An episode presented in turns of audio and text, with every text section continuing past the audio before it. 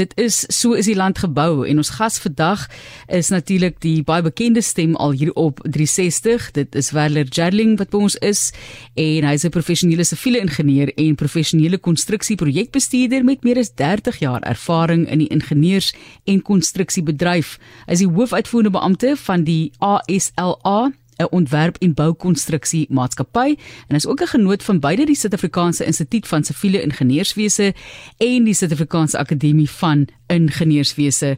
Nou dis die CV weer deurgedraf. Baie welkom in jou Werner. Ag baie dankie. Hoekom? Dit, ja, jy wou sê. Dit is dit is al 'n groot storie om so CV elke keer deur te draf. Dit is belangrik. Jy jy daar daarvoor gewerk, sê ek altyd, maar hoekom 'n uh, enigsins 'n hawe in spesifiek dan nou Kai 4 bespreek? Marlene, wie weet jy eh, ek ek dink die interessantheid van die hawens is ons maar altyd daar vir ons, maar Durban is 'n is 'n baie belangrike hawe vir ons. Kyk hoe lank terug 1824 toe ek nou hiernatoe ry toe luister ek oor 'n storie oor Shaka Zulu. Dis die tyd toe Shaka Zulu geleef het. En toe het 'n klomp ouens na hom toe gegaan en die reg verkry om 'n handelspos in Durban te stig en dit is die begin van daai hawe. En hoe belangrik was dit nie vir ons nie? En veral die ekonomiese belang van so hawe en die uitbrei van 'n kaaimuur maak 'n wesenlike impak tot ons ekonomie en vir die rede is hierdie kaaimuur dan nou oorgebou om dieper en langer skepe te kan hanteer. Vertel ons van die geskiedenis asseblief in die agtergrond met die ontwikkeling natuurlik van hierdie kaai en jy gaan baie ver terug met die geskiedenis. Ja, ek ek dink dit is eintlik maar net interessant om te sien hoe lank mense al ehm um, Durban belangrik geag het Vasco uh het ek dit nou reg? Nee, nie Vasco. Ja, Vasco da Gama het in 1497 daar verbygekom en en hierdie pragtige inname natuurlike hawe gesien wat vir hulle natuurlik verskriklik lekker was en daar kon hulle water en goed kry. Maar in die vroeë 2000s toe het uh, die hawe owerheid besluit om 'n spesifieke kaai in Durban oor te bou Dit was 'n meer meer doelige kaai waar waar verskillende soorte vrag vanaf verskeep is en hulle het 'n dieper en 'n langer kaai nodig gehad. En om dit reg te kry, moes 'n nuwe kaai muur dieper in die hawe in gebou word en hy moes dieper uitgebagger word. En wat het toe daarna gevolg? Kyk die die ontwerp. So hulle het nou die behoefte, hulle het nou gesê dit is wat hulle benodig natuurlik. Nou moet die eers natuurlik die goedkeuring en mannekrag bymekaar kry. Daar's hy in die ontwerp moet gedoen word en ons besluit hoe gaan ons hom bou? 'n Baie belangrike aspek daarvan is ons moet tog net nie ons skeepsverkeer versteur nie en doen dit so gou moontlik. So hierdie spesifieke hawe is ontwerp om die sogenaamde Kaisan metode te bou en en hoe dit werk is dat die groot betonwerk om die kaai muur te bou word ehm um, eintlik in 'n ander plek gedoen op droë land en en die spesifieke tender het ons destyds gewen om 'n alternatief voor te stel van hoe sou ons dit nou reg gekry het. En wat ons gedoen het is agter en by het, dis omtrent so 5 km weg van die plek waar die kaaimuur gebou moes word, het ons dan nou hierdie betonselstrukture gaan bou en uh die selstrukture is basies 'n baie groot betonstruktuur wat wat amper soos 'n soos 'n tipe van 'n silo lyk. Like, Hierdie betonstrukture is onge ongeveer 24 meter lank, 17 meter breed en 18 meter hoog en dit lyk amper soos twee van daai graansilo's wat so aan mekaar geplak is so in 'n figuur 8 formaat. Nou nie so hoog soos 'n graansilo nie wat 17 meter is seker omtrent so so derde van van 'n graansilo hoog. Maar die goed is reusagtig groot. Hulle weeg so 3.500 ton. Ehm um, nou ja, dit is dis heelwat. Die uitdaging vir ons was om hulle aan land te bou en hulle dan te kan beweeg heen en weer te skuif. So so hoe dit gedoen is is ons het heipale in die grond ingeslaan. Nou 'n heipaal in Engels noem hulle 'n pile, maar dit is basies 'n funderingsmeganisme en 'n metode waar volgens ons met vooraf gegote beton 'n lang paal maak en dan gebruik ons 'n reuse kraan met 'n hidroliese hamer bo aan wat hom dan in die grond inslaan en soos hy dieper in die grond instaan gaan uh, is daar weerstand en so kan hy dan gewig bo-op hom dra en dan bou ons bo-op hierdie palle bou ons dan fondasies wat soos balke lyk en bo-op die balke bou ons nou hierdie hierdie swaar kuisels in die lug. En die rede hoekom dit op balke staan want so kan ons onder hulle inkom en hulle optel met hidroliese domkragte en hulle dan optel en vorentoe skuif. En so beweeg ons die goed dan in hierdie werf rond en op die ou einde beland hulle almal in 'n tipe van 'n klein kaai waar ons hulle met kabels en hidroliese domkragte laat sak tot in die see en dan ja, dan dryf hierdie hierdie holstrukture netjies in die see en dan kan ons met hulle begin werk. Dit was 24 ure dag, 365 dae vir 'n jaar wat hulle gewerk het aan hierdie projek of hoe? Ja, die die hele projek het het so so 2 jaar geneem, maar terwyl die die die beton werk aan die gang was, was dit 'n 24 uur proses. Ons het daarvan glybeton gebruik gemaak.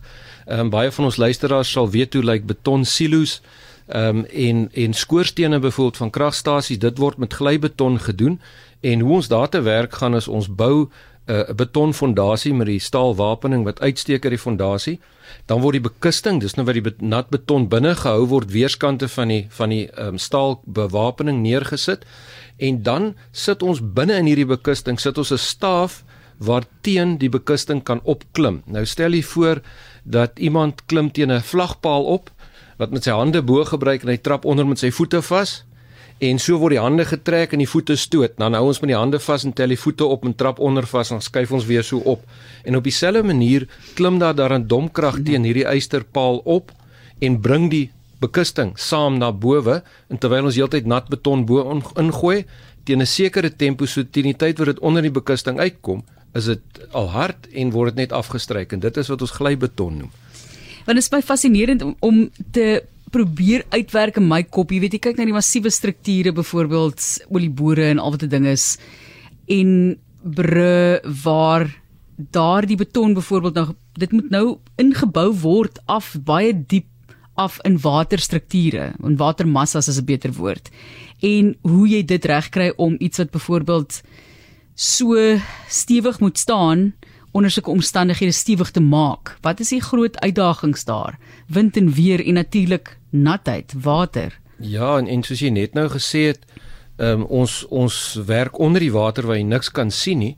So so hier sit ons nou met die strukture wat ons gebou het. Ons moes omtrent 52 van hulle bou. Hulle moet almal in die water beland en gelukkig het ons vriend Archimedes eendag in die bad gelê en toe agtergekom dat goed kan dryf en toe spring hy op en hardloop in die straat af en skree Eureka. So die die verplaaste watermassa is natuurlik die dryfkrag en dit maak dat ons hierdie holstrukture kan laat dryf. Soos ons hulle in die water gesit het wat nou regtig moeilik was, moes ons natuurlik seker maak dat ons hulle met 'n sleepboot daai 5 km tot in posisie kan sleep waar hulle weer gesink moet word. En ek vir jou sê dit is baie belangrik dat ons daai goed nie laat omval het nie. Kyk as een van hulle nou omgedop het en daar in die middel van die Durban se hawe gesink het, dan was ons nou vir jou in diep moeilikheid. En dit was die groot waarskuwing wat ons gehad het. En natuurlik nie net vir 'n periode van tyd nie, hopelik solank as moontlik. Jy weet dit is hierdie strukture is vir lank in gebruik om seker te maak dat hy staan. Jy wil amper sê vir ewig, maar ek meen wat is julle siening byvoorbeeld met die volhoubaarheid? Van sulke strukture. Ja, ja, dat dit dit word baie maklik ontwerp met ten minste 'n 50-jarige leeftyd en in in in daai tyd wil mense hom nog kan onderhou om baie langer te hou. So daar's kaaie in Durban wat wat al vir 100 jaar staan. So ons wil graag hê dat dit verlang daar moet wees die belangrikste natuurlik as so 'n 'n struktuur in die see ingesak word en neergesit word op die grond soos 'n olieboor ook. Dan wil ons seker maak die fondasie is reg. So hoe ons dit gedoen het is daar 'n bagger of 'n ondergrondse uitgrawe of 'n onderwater uitgrawer gekom, 'n skip en hy het vir ons 'n sloot gegrawe so so tot so 18 meter onder die wateroppervlak. Dan het ons gekom 'n gebreekte klip daarin gesit tot op en baie seker gemaak dat die vlak daarvan reg is dat dat mooi gelyk is onder die grond en dan het ons 'n 'n 'n 'n sogenaamde aardappelstamper gebruik. Dis maar basies 'n baie lang staal balk met 'n reuse staal plaat onder. Het ons dan 'n hidroliese hamer bo aangesit wat met 'n hele paar ton per slag dan die ding stamp en dan druk ons hom onder die water in en so druk ons daai daai klip matras kan mens sê plat en soos dit plat gedruk word bring ons aan die kuisons in hulle posisie in wat nou, natuurlik baie noukeurig opgemeet moet word. Dan begin ons hulle vol water pomp en dan sak hulle nou af totdat hulle op hierdie op hierdie kliplaag staan en dan maak ons hulle heeltemal vol water. Dan staan hulle nou daar. En so sink ons dan een neffe die ander en ons moet seker maak dat dit so tot 50 mm akkuraatheid teen mekaar kom staan, want later van tyd gaan ons daai opening tussen hierdie kuisons ook toemaak. En as dit eers in plek is, dan moet ons die water wat binne in die kuisons is verplaas met sand. En en hier kom dan die interessante deel is waar ons hierdie baggerbote van ver af laat kom. So die baggerboot wat ons daar gekry het het uit ehm um, België na ons toe gekom. Die naam van die boot is die Filippo Brunelleschi. Wat baie van die kunsliefhebbers nou sal inspireer, maar om so boot te sien werk is 'n absolute kunswerk. Dit lyk soos 'n vliegtyg daar binne. So wat doen 'n baggerboot? Verduidelik vir mense wat so, weet nie. So so 'n baggerboot is het natuurlik 'n brug soos alle soos alle bote baie tegnologies kwai gevorderd want hy het baie fyn en noukeurig homself kan manoeuvreer en in plekke hou waar hy werk onder die water moet doen. Dan het hy in beginsel 'n 'n houer area wat sand en watermengsel kan dra. Hy arriveer leeg op die plek waar hy sand gaan opsuig uit die seebodem, laat sak 'n pyp oor die kant van die boot wat dan tot onder op die seebodem gaan en vooraan hierdie is daar 'n 'n horisontale groot yster inneem eenheid wat maar lyk soos 'n stofsuier. In die ou dae het ons gepraat van 'n hoover. En die ding lyk nie veel anders as aan hierdie. Baie kere is daar 'n bietjie snyer meganismes ook aan om die sand nou op te kerf. En terselfdertyd terwyl dit gebeur, suig hy dan daai sand op en deponeer dit in die in die vragruim van die skip. Sodra daai vragruim vol is, word als toegedraai die die die die suigmeganisme word ingetrek, die skip draai om en hy seil terug na die plek waar hy die sand gaan uitspuit. Jo. Hoe onderhou 'n mens so 'n struktuur? Watter tipe van onderhoudwerk moet gedoen word? Kyk die die die wat die, wat die kaai belangrik dat die bestuur van die kaai korrek gedoen word. Ons sit natuurlik ehm um, sekere dempingsstrukture teen die kaai vas soos soos motorbande of spesiale wat hulle uh, buffers noem. Ehm um, en die vas vas meer plek waar die die die bolle waarin die skip vasgemeer moet word, moet alles goed werk en goed veranker word dat daar nie kan skade kom nie. Want as 'n skip byvoorbeeld en dit het in Durban gebeur in 'n onlangse ehm um, groot storm waar die skip dan onbeheerd reguit in die kaai kan vasry en dit is 'n baie groot probleem want dit moet dan onder die water reggemaak word. So ons ontwerp hierdie strukture om 'n baie lang leeftyd te hê en hoe ons dit doen is seker te maak dat daai betondekking op die staal wat binne in die struktuur is baie baie groot is. Ja. So dit sal baie lank vat vir die verwering om plaas te vind en daarom wil ons dan meganiese skade aan hierdie kaai verhoed en hom so goed as moontlik laat gebruik. Ons maak ook seker dat dreinering rondom hierdie kaai strukture goed is. Met ander woorde, agter die kaai muur moet hy nooit water kan opbou wat die kaai muur druk sal veroorsaak teen hom nie en dit doen mense deur die oppervlak van die kaai muur mooi te seël en goeie stormwaterbegeleiding en so aan daar te hê en om dan goed te bedryf terug na die baggerboot want dit is nou fasie ek kom ek alweer met fascinerend. Dis interessant, 'n ander woord gebruik vir 'n slag. So 7.5 miljoen bakkie vragte wat hierdie ding nou kan vat en jy sê dis baie interessant om te sien ook wat hierdie vragte vir jou bring uit die see. So watter interessante items het jy al so gesien? Jy sê met groot konsternasie.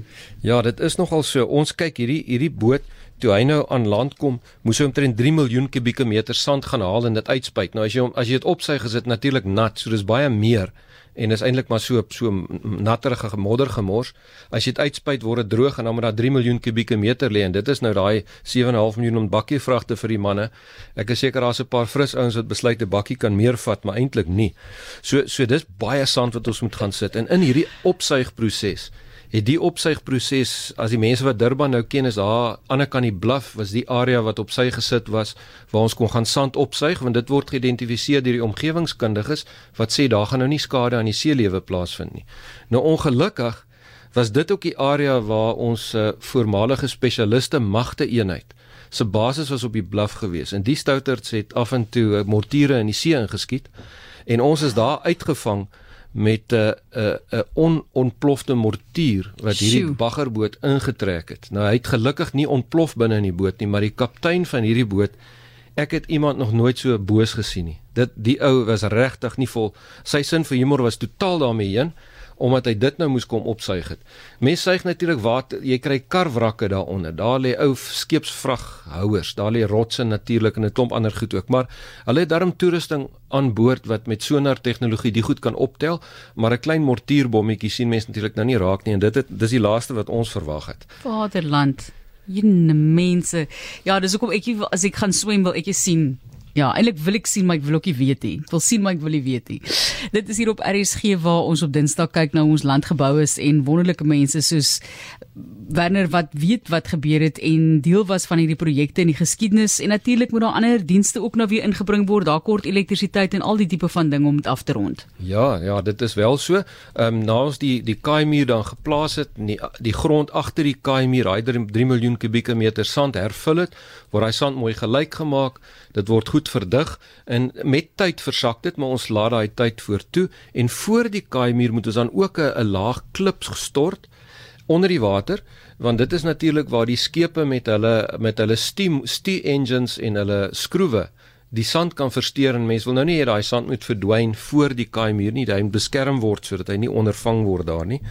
Ehm um, soos ek genoem het stormwater, elektrisiteit, al die paaie toegang, alles na die bokant van die kaai toe. En as ons vandag na daai kaai gaan kyk, is dit 'n geweldige besige stuk ekonomiese infrastruktuur. Daar word voertuie vanaf uitgevoer. Ons het 'n deel van die kaai gebou sodat die sodat die ehm um, karverskepings of voertuigverskepings uh skepe daar kan vasmeer en voertuie inneem.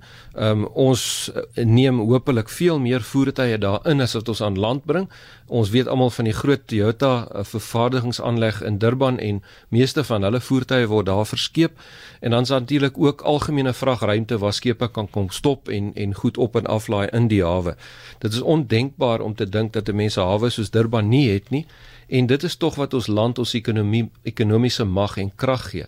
En uh soos met alle infrastruktuur moet ons die hele tyd dink wat by ons volgende. En die volgende projekte in die Durbanse hawe is al klaar op die tekenbord en ons as land moet daai geld nou op sy sit en belê voor dit te laat is.